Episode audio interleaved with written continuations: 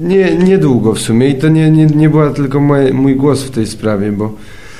Michał Kępa, który też gdzieś tam był przy organizacji tego wydarzenia y, razem z Antonim Syrkiem-Dąbrowskim, znaczy w ogóle ze Stand Up Polska, czyli właśnie z Cezarem Jurkiewiczem i, mm, i z Antonim. Y,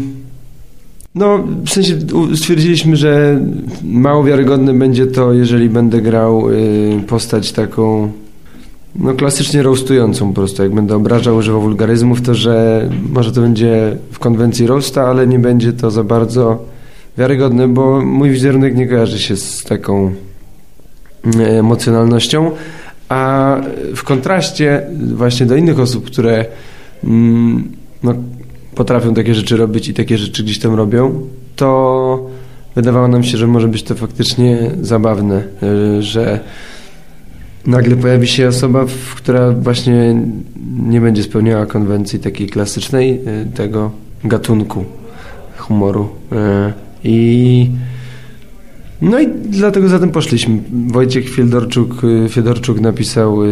taką bazę, taki fundament tego tekstu i później razem właśnie z Michałem Kępą, z Antonim i z Cezarem Jurkiewiczem mm, pracowaliśmy nad tym, żeby to było bardziej gdzieś tam jeszcze bardziej y, takie moje po prostu.